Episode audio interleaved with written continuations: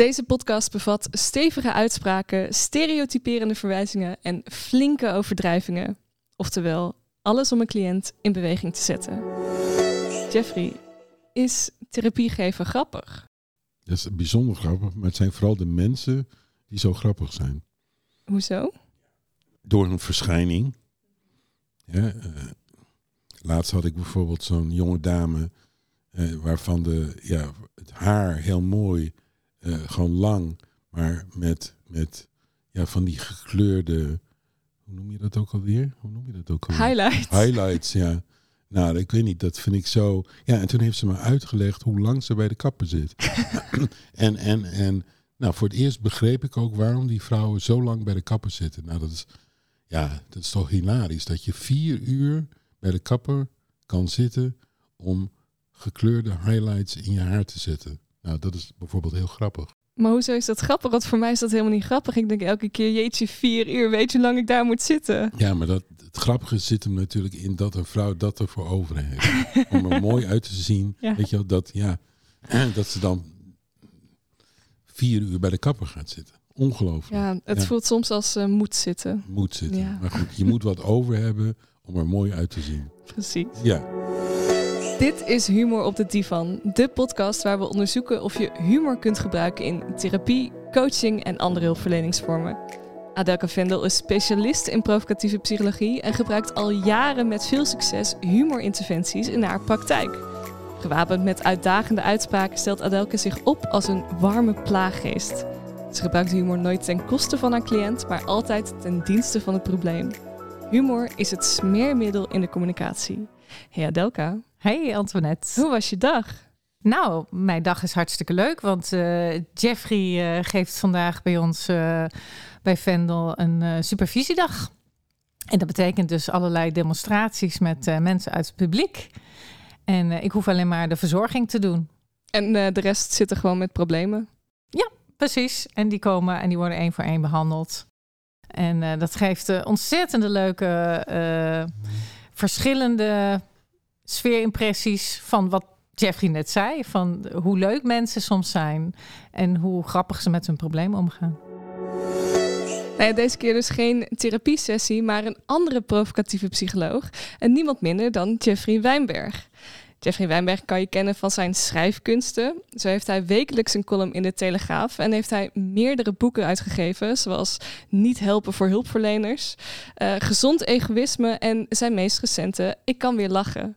Naast schrijver heeft Jeffrey zijn eigen praktijk in Groningen als provocatief psycholoog. gewoon wat een goede samenvatting. eh Ja, toch? Un- unbelievable. Zo van je Ja. website geplukt. Ja, nou ja, Jeffrey, hoe gaat het met jou? ja, met mij is het ook. Kijk, ik zit helemaal in mijn element. Hè, ik word uitgenodigd door eh, Adelka en haar, van, haar gezin. Mhm. Hè, dus, en ik kom altijd een uur te vroeg. Echt? Ja, en, en wat gebeurt er dan? Ja, ik heb de jongens al geïnstrueerd. Gebakken eieren met eh, toast. Ja, dat is ongelooflijk. Oh, ik kom wij- altijd te laat, dus ik heb nooit ontbijt. Nee, zie dat heb je dan. Maar ik krijg ontbijt. Nou, en dan begint mijn dag natuurlijk al helemaal goed. Oh, wat Ja, heerlijk. fantastisch. Ja. Ja, er zit heel veel liefde in deze Jawel, praktijk, zeker. in deze Ja, ja, ja, familie. ja. En heel Ja. veel eten. En ook eh, eh, die, gewoon die, die jongens van haar, die, die helpen heel fanatiek mee. Mhm. Nou, hoeveel liefde is dat wel niet? Ja. Dat je dat voor je moeder over hebt. ja, totdat Adelka nu zegt dat ze ervoor betaald krijgen. Sowieso. Oh, ja. oh, ik ben natuurlijk, dan snap ik het. Ze zijn Ja. natuurlijk heel opportun. Ja. ik heb wel jongens. Ja, Maar ik heb wel geleerd, liefde gaat door de maag. Dat is wel leuk. Ja, dat is waar. ja. Ja, het smaakt wel heel goed. Dus eh, het, het geld vertaalt zich toch naar liefde en eten.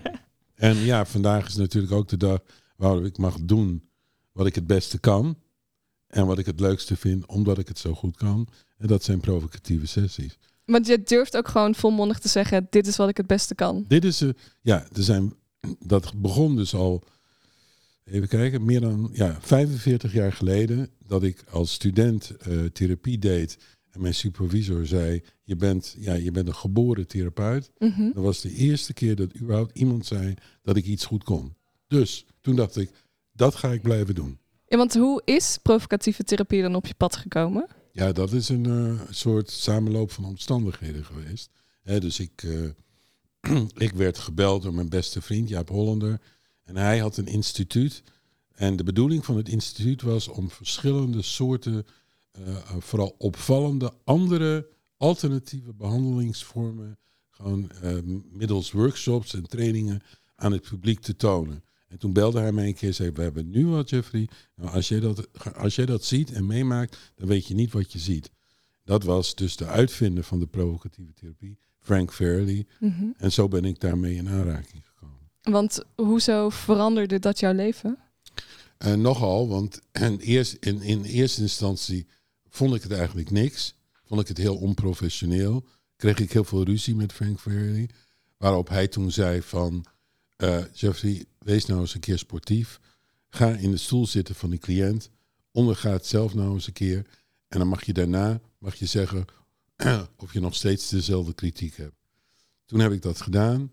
En vanaf dat moment was ik om, zoals dat Nee, maar dat is wel ook wat wij vaak horen, ook eh, na de podcast, van het klinkt zo onprofessioneel. Ja. Ja, mensen zeggen het klinkt onprofessioneel. Het is gewoon toch een trucje. Mhm. Toneelstukje hoor ik vaak. Toneelstukje. Ehm, ja, ook wel flauw. Of je zet de patiënt in de zeik. Of je lacht hem uit. Nou, niets daarvan is waar. Ja, dat komt natuurlijk omdat de, degenen die toehoren niet die emotionele deelname hebben in dat probleem. Dus die denken van ja, dat is een soort cabaret. Ja. Maar als je het echt goed doet op het probleem en op de emotie die de ander ervaart, ja, dan is het gewoon vaak spot on. Maar het is wel, ook voor, voor soms voor menige eh, toeschouwer, zeg maar, eh, zo hilarisch dat bij mij vaak de gedachte opkomt om bijvoorbeeld iets aan stand-up therapie te doen. Weet je, dus dat je. Ja. Ja, dat doen toch heel veel provocatieve Ja, ja. dat therapeuten? wordt, dat Ja, wordt nu al ja, gedaan. Ja, En daar ben ik ook wel een beetje jaloers op. Ja. Dus ik dacht van, hoe kan ik er nou een soort draai aan geven? Want ja, kijk. Jij hebt je boeken al. Ja. Fantastisch. oh, Je kan toch prima een podium opklimmen en dan eh, mensen uit de zaal halen en zeggen: wat is jouw probleem? ja, En- dat, is, dat gebeurt ook. En dan ontstaat er soms ook wel een zeer cabareteske voorstelling. Ja, Ja, dat klopt. Ja, dus eigenlijk gebeurt het al. je, moet, je moet het gewoon doen. Je moet gewoon naar theaters toe. Als je dat gewoon hè, dus eh, naar de theaters brengt, dan, eh, ja, dan heb je een complete voorstelling. Ik denk ook wel dat de mensen die dit doen het ook wel leuk vinden om een beetje een podium te pakken. Precies. Want je moet natuurlijk ook heel veel uit jezelf halen om dat protest op te wekken bij die cliënt. Je kunt niet alleen maar achteroverleunen en vragen stellen. Hoe voelt dat bij jou? Nee, precies. Het is, eh, en, en je moet ook met hele creatieve ideeën komen. Bij normale therapie is het. eh, het- Nou, creatieve idee, creatieve idee. Je moet alleen gewoon jezelf toestaan om de associaties die je hebt met wat je hoort, gewoon hardop te zeggen. Ja, dat is En creativiteit. dat lijkt, Ja. dan, dan kun je zeggen, oh, wat creatief. Ja, maar dat Ja, is dat is creativiteit. creativiteit, Ja, ja. ja. En ook de angst om het eh, verkeerd te zeggen. Dat hebben mensen ook. Dat je dan, ja, nee, dat denk ik in mijn hoofd. Dat durf ik echt niet tegen iemand te Nee, zeggen. maar als man is dat simpel, omdat je weet dat je altijd verkeerd zegt. en ik denk van ja, ik zeg, het. ik zeg het altijd verkeerd. Dus dan kan ik het net zo goed gewoon zeggen. En als het dan verkeerd is, dan klopt het weer. Maar door, nou, doorgaans vind ik... Kijk, wij leiden allebei mensen op. Hè? Ja? Doorgaans vind ik dat mannen dat lef toch meer hebben. Om eh, te durven verkeerde dingen te zeggen. Hè? Als ze dit provocatieve... Als ze dit coachen met humor aanleren... Mhm.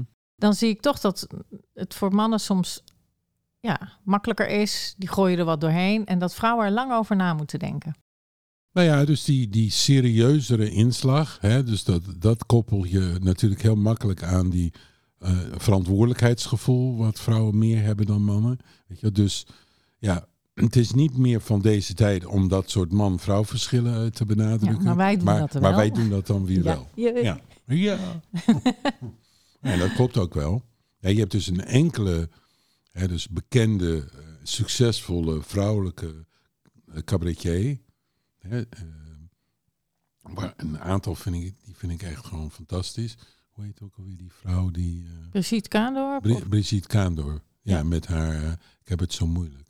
Zwaar leven. zo ik zwaar, zwaar zag leven. van de week, dat is zo leuk. Echt een leuke vrouwelijke cabaretier bij een soort stand-up comedians. Mhm. Zij was wel 47 en zij was net begonnen. En toen Oh. dacht ik van, ja, dat snap ik een beetje. Want zij is daar overheen gegroeid. Een beetje van, doe ik het goed, doe ik wel niet. Hè? Zo net een beetje met die cliënten die we net Mhm. hadden. En die heeft, en dat vond ik echt verbazend. Want inderdaad, vaak is het zo, en dat zeggen mijn kinderen ook, ook altijd. Denk, ja, vrouwen hebben geen humor. Ik heb natuurlijk allemaal mannen thuis. Mhm. Maar mama, voor een vrouw ben jij best wel grappig. Grappig. ja, ja. Maar goed, dus. dus eh, maar volgens mij heeft het, is het ook functioneel in de zin van dat de man, snap je, de humor moet kweken. Hè, dus vooral misschien eigenlijk wel om die vrouw te verleiden. Snap je? Dus het is voor hem een overlevingsstrategie.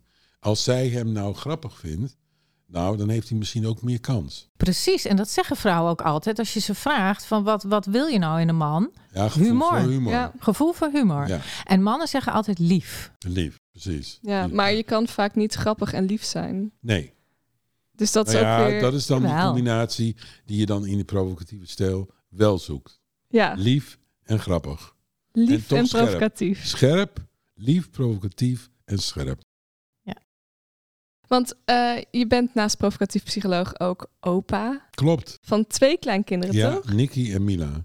Hoe reageert je gezin dat je provocatief bent en veel humor Nou gebruikt? ja, dus dat- dat- meestal zo van, nou opa, als jij denkt gewoon dat je dat op ons kunt uitproberen, dan vergeet het maar. Bovendien, als je dat probeert, dan slaan wij gewoon twee, twee keer zo hard terug. en dat doen ze ook wel. Hè? Ze, ze, ze zetten me echt voortdurend op mijn plek. En eh, heel leuk anekdote, maar dus een waar gebeurd verhaal, is dat ik ze meegenomen had naar de, naar de dierentuin. En eh, helemaal uitgewandeld en uitgekeken kwamen we thuis. Nou, zij eerst onder de douche. Even hapje eten. Toen zat ik met de jongste, Mila. Nou, Mila, hoe vond je het vandaag? Ja, met jou bedoel je? dus ik zei nou ook. Ze zei nou, de dierentuin was leuk en jij minder. Ik zei, wat dan? Nou, had je dat zelf niet door, hè? Ik zei, nee, wat had ik zelf niet door? Nou, hoe jij gewoon steeds op een bankje gaat zitten. Dat vind ik zo lui en geen aandacht voor mij. Nee, dat vond ik niks. Nou, dat is Mila. Wauw. Ja, Nou, provocatief in de dop. ja, precies. Maar dat, kinderen zijn het al. En dat Ja. is wat, wat volgens mij wij ook allebei doen in die opleiding. Ik zeg, neem nou die houding van dat kind aan. Want dat is gewoon zo leuk. ja. Want gemeenig is het ook niet. Het is Ook grappig. niet. Nee, ik vond haar heel grappig. Ja, Weet je wel? Maar ze kon het ook gelijk uitbeelden. Beeld ze het ook uit, hè? Van, dan sta ik bij de Ook heel olifanten leuk. en dan kijk ik ze om. Ja, waar is opa? Ik wil dat opa het ook ziet. Opa, olifanten. En dan kijk ik om. En wie zie ik daar op de bankje alweer zitten? Ja, dat is opa. Nou, dat ben jij. En, en dan moeten wij dat leuk vinden. Nou nee, dat vinden wij niet leuk.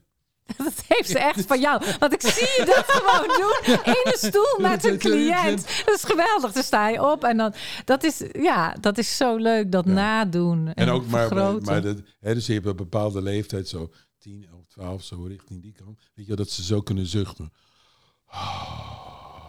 Weet je, terwijl ze je aankijken. ja, ja dat, vind ik, dat vind ik echt hilarisch. Maar dat is ook zo leuk dat jij dat zo hilarisch vindt. Ja. Dat, dat merkt zo'n kind. Je, Ja, ja, je laat ja. je er niet door in de luren Nee, leggen. nee, nee. nee. En dat vind ik wel het leuke aan die provocatieve, die humoristische inslag. Dat je gewoon veel meer kunt hebben. En het voelt ook meteen dat humor heel veel liefde geeft. ja, dat is wel de Zeker. bedoeling. Ja. Ja, zeker. Ja. Ja. Zeker als het niet de humor is van, oh, kijk mij de leukste thuis zijn. Alhoewel dat soms ook wel leuk kan zijn, zeker bij een, zeg maar, een jongensgezin van mij. Maar ja, Maar ik vind over die kleinkinderen gesproken, ja, die zoeken het ook wel op. Hè? Dus als wij, hè, zij wonen op Sint Maarten, dus wij moeten altijd skypen. Maar dan, als ze dan aannemen, weet je, dan heeft Mila, die heeft dan gewoon al haar repertoire klaar. Weet je wel? Gezichten, ge- gekke gezichten trekken. Oh, ja. Tegenwoordig kan je dus op de Skype, kun je allemaal figuurtjes, weet je, en vervormingen van je eigen gezicht. En, en nou, het is echt ongelooflijk. Ja, dus ze nu- maakt daar gewoon een hele show van. Ja, dat, nu je dat zegt, dat doet eigenlijk mijn nichtje ook. Want ik ben ook een tante. Ik geloof, mijn zus die doet dat niet. Die dan inderdaad met haar tong uitstekend Ja. voor de camera gaat. En, Ja. en dat vinden ze super leuk. Ja. Ja. Oh, wat leuk. Ja, ja. Wie kan het gekste gezicht Wie kan het trekken? gekste doen? Ja, ja. En dus als ik dan eentje doe, zegt ze, opa, dat is niet echt eh, zo'n sterke van jou hoor. Kijk, je moet het meer zo doen. En dan gaan zij het eroverheen. Nou, exact. En Ja, wat is er leuker dan dat? dat, Want je, ja. ze, ze pakken gewoon die eigenaarschap en, Ja. en gaan jou vertellen wat je moet doen. Doen, ja, Want dit is toch ook die improvisatie ja en. Het alleen maar groter maken. precies. Ja, Ja. Waar let je op als je humor gebruikt? Eh, hoe zorg je dat het verteerbaar is voor een cliënt? Want je kleinkinderen, dat is natuurlijk, die ken je al wat beter. Daar weet je wat ze grappig vinden. Maar Nou, ik denk dat het antwoord daarop is. eh, kijk, want, eh, het idee, snap je, van dat je dus grappig kunt zijn, of dat je iets grappigs kunt doen, of dat je iets grappigs kunt zeggen. Kijk, als je die visie hebt, dan maak je het jezelf al heel moeilijk. Maar als je gewoon naar de ander kijkt en naar de ander luistert en gewoon op je laat inwerken wat grappig is en jezelf openstelt van, van de grappigheid van wat iemand vertelt, nou, dan lig je gewoon continu in een deuk. Snap je? Dus, dus, dus ehm, laat ik zeggen, standaard voorbeeld trouwens van mij, maar goed, een echtpaar komt binnen en zij loopt voorop en een beetje kwiek en hij loopt een beetje, weet je, zo van, nou, het is dat ik mee moet. Weet je, Mhm. maar anders hoeft het voor mij niet. Nou, hoe hilarisch is dat wel niet? Dus als dan zo'n stel binnenkomt, nou, dan lig ik al in de deuk. En dan zegt, zeggen ze, waarom lacht u? Ik zeg, nou, zoals jullie achter elkaar aanlopen. Ja, u als eerste, want u wil het probleem aanpakken. En hij denkt van, ja, voor mij is er geen probleem. Nou, en dan beginnen zij ook te lachen van, ja, zo is het wel. Precies, en die heb ik lekker van jou gejat. Dus die gebruik ik Zo, ook. precies. Ja, nou ja, snap je? Dus me- mensen zeggen hele grappige dingen. En die doen, hebben ook grappige patronen. Ook nog. ja, Dat is het. Ja. Als je dat op je door laat werken. En voor mij is dat door laten werken. Dat je niet zozeer ik moet nu grappig zijn in je hoofd Nee. hebt. Van ik Nee, moet nee. nu oh daar grappig over zijn. Maar de humor die soort uit een natuurlijke eh, staat ontstaat. Dat je er als een kind naar kijkt. Van huh? Oh, Ja, dus wat interessant woorden. En eigenlijk. je moet het jezelf toestaan. Hè? Dus als iemand, zeg maar, eh, weet je, je hebt iemand in de stoel zitten. En dan vraag je naar de leeftijd. Weet ik wat. Ja, ik ben eh, 64. Oh, Oké. Nou, ben je al een aardig eind gekomen. Je bent nog niet helemaal officieel bejaard, maar bijna officieel bejaard. En wat is, eh, wat, wat, wat is de vraag? Nou, er zijn een paar dingen die ik aan mezelf wil veranderen. Nou, dan schiet ik echt meteen in de lach. Dus dan heb je een oude iemand die het heeft over verandering. Weet je, terwijl hij al lang blij moet zijn, weet je, als het een beetje hetzelfde blijft. Wat natuurlijk niet gebeurt. Want de enige verandering die hij kan ondergaan is teleurgang. Snap je? Nou, ja, dat komt dan niet mee op. Hoe hilarisch is het als iemand van 64 zegt dat hij een aantal veranderingen aan zichzelf. Nou ja, dat is gewoon grappig. Ja, ik vind het altijd heel moeilijk om te horen. Want dan denk ik, maar er zijn toch ook genoeg mensen die dat echt niet grappig vinden. als je opeens iemand komt binnen met zijn probleem en je gaat meteen lachen. Maar het grappige Nee. is dat juist gebeurt als je dan gaat lachen. En dan zeggen ze vaak, ja, ja, nee, ik weet, nou, ik weet dat het wat absurd klinkt, weet je wel, maar ja, ik wil het toch. Ja, precies. blijft- Want dan hebben ze gelijk al Ja. ook door van eh, ja. Nou ja, misschien heb ik wel te veel noten op mijn zang. En dus heb je je eerste punt al gemaakt, vind Precies. ik. En dan kun je daarop verder. En dan kun je Ja. weer zeggen van, heb je altijd zulke hoge verwachtingen? Niet alleen van jezelf, maar ook van anderen. Ja, ja dat eigenlijk wel. Ja, eigenlijk is het ook wel een soort nederigheid. Dat Ja. je dan, ja, Ja. ook naar je problemen, ook naar het leven, van wat Precies. je kunt verwachten van het Precies. leven. Nou, En dat, vind ik mooi. Ja, de verwachtingen kunnen hoog zijn, maar dat is een mooi recept voor ernstige teleurstelling. Ja. Ja. En daar, daar kunnen wij dan weer Ja. mooi bij opkomen draven. En dat vinden Precies. wij leuk. Ja, want dat vind ik ook wel mooi. Dat, eh, nou ja, iemand komt met eh, het ene probleem van ik wil veranderen. En eigenlijk ga je al meteen door naar het volgende probleem. Naar veel meer wat eronder zit. Ja, ja, ja. ja.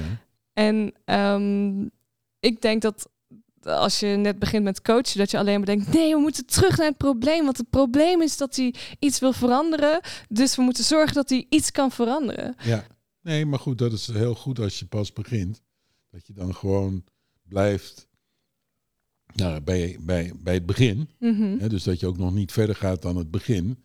Maar ja, je praat nu tegen Wijnberg met zijn, met zijn 50 jaar Oude rot. ervaring, een oude ja. rot. En Adelko die ook al een tijdje meeloopt. Ja, snap je, wij, wij, wij hebben die beginnersdrang niet. Nou ja, dat zag je net ook van dat iemand vroeg: ja, wat neem je dan mee uit deze sessie? Wat verandert er nu? Er zit een soort drang in ons van: er het is Er pas moet iets goed. uitkomen. Er moet iets uitkomen. En ik heb ooit Sue Knight geïnterviewd, die ook met Frank Fairley heeft gewerkt. En die zegt: ja, eigenlijk doe ik alleen maar aan een soort innerlijke staat, innerlijke houdingverandering. In plaats van oplossing van het probleem is, is niet interessant. Maar precies dat iemand er anders naar gaat kijken of een, een, een lampje gaat branden. Zo van, hé, hey, zo heb ik het nog nooit gezien. Dat, Nou, dat is vind wat ik al heel wil. veel. Ja, Kijk, als mensen er niks van meenemen, vind ik het ook goed. Dan hebben we toch eh, tenminste, ik weet niet, misschien een apart gesprek gehad. ja, ja. Dan heb jij het in ieder geval leuk gehad. Want heel veel Dat mensen ook, vragen ja. ook aan mij van ja, eh, maar waar, hoezo humor? Maar dan zeg ik van ja, dan straal ik in ieder geval uit dat ik het ook leuk heb. Dat ik mijn werk ook leuk vind. En dat, dat al is voor een cliënt ook al een mooie bevrijding van oh, god, dat is ook een manier van zijn. Hè? Maar goed, dus snap je, als je veel jaren teruggaat, hè, dus naar het begin van eh, de psychotherapeutische geschiedenis, was lachen, snap je, niet te combineren met therapie doen. Nee. Dat hoorde niet. Als psycholoog moest je serieus zijn. Mhm. Dus überhaupt lachen, dat, ja, dat was impliciet verboden. Ja, en dat, is, dat klopt ook wel, want het is zo van jaren 70, 80 en 90. En nu zie je dat er wel een kentering is, ook in de literatuur, die, eh, dat er veel meer gezien wordt van, oh ja, dat heeft goede eigenschappen, maar dat ze veel meer gaan kijken, wat zijn die eigenschappen dan? En, eh, maar zo in de jaren 70, 80 wa- waren er best nog veel onderzoekers die zeiden: Ah, nee, dat is slecht. En dat is echt. Oh, en dan kun je misschien eh, de cliënt misinterpreteren. Of hij denkt hij voelt zich niet serieus genomen. waren veel meer dat soort uitingen. Maar dus als je dat nog veel breder ziet, hè, dus met andere woorden, wel- welke, laten we zeggen, belangrijke emoties hebben we? Hè, zoals angst, eh, boosheid, schaamte, verdriet. Maar daar hoort eh, hè, dus plezier, humor, lachen, eh, opgewondenheid, opgetogenheid, trots. Al die positieve emoties horen er net zo bij. Dus dan eigenlijk doe je aan emotionele verwaarlozing als je niet mag lachen. Ja. En de, Hoe vind je die? Hoe vind je die, eh? Ja, dit wordt denk ik de titel. eh. Ja, maar het, het, het klopt ook heel erg met... eh, de, want humor zit ook... ehm, dus ze hebben mensen in hersenscans gedaan. En als je dan eten en lachen en seks en dat soort dingen... zit in hetzelfde stukje van de hersenen. Dat, dat ligt dan op.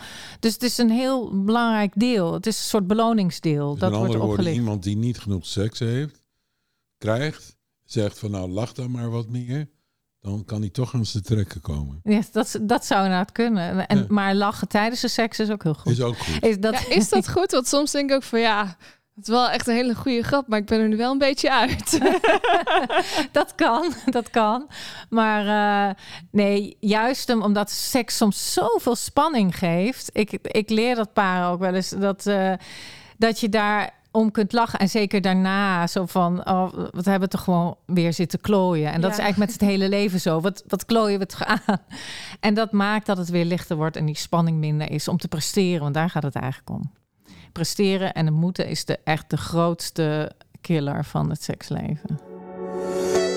Jeffrey, ik vind jouw verhalen elke keer zo mooi. Dus eigenlijk wil ik ook vragen, heb je een voorbeeld van iemand in je praktijk waar jouw humor niet op werkte?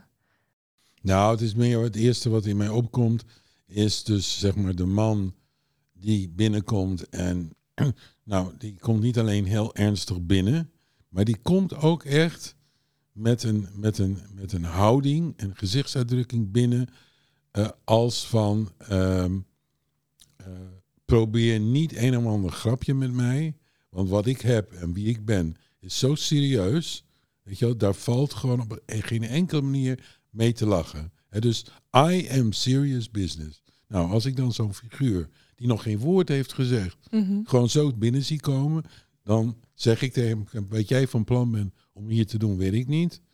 Maar ik zie het als mijn taak om te- jou tenminste één keer tijdens de sessie te laten lachen. En dan, wat krijg je dan? Oh, moet dat?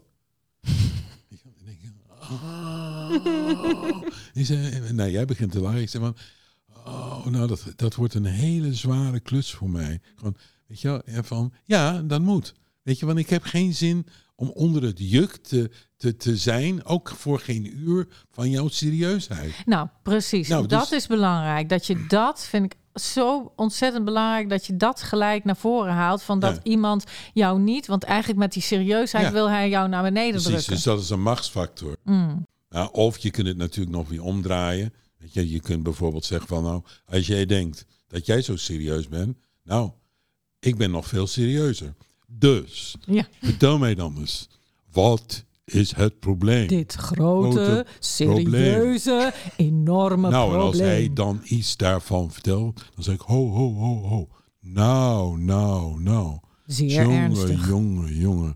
Yo, zo zwaar en zo serieus heb ik het nog nooit gehoord.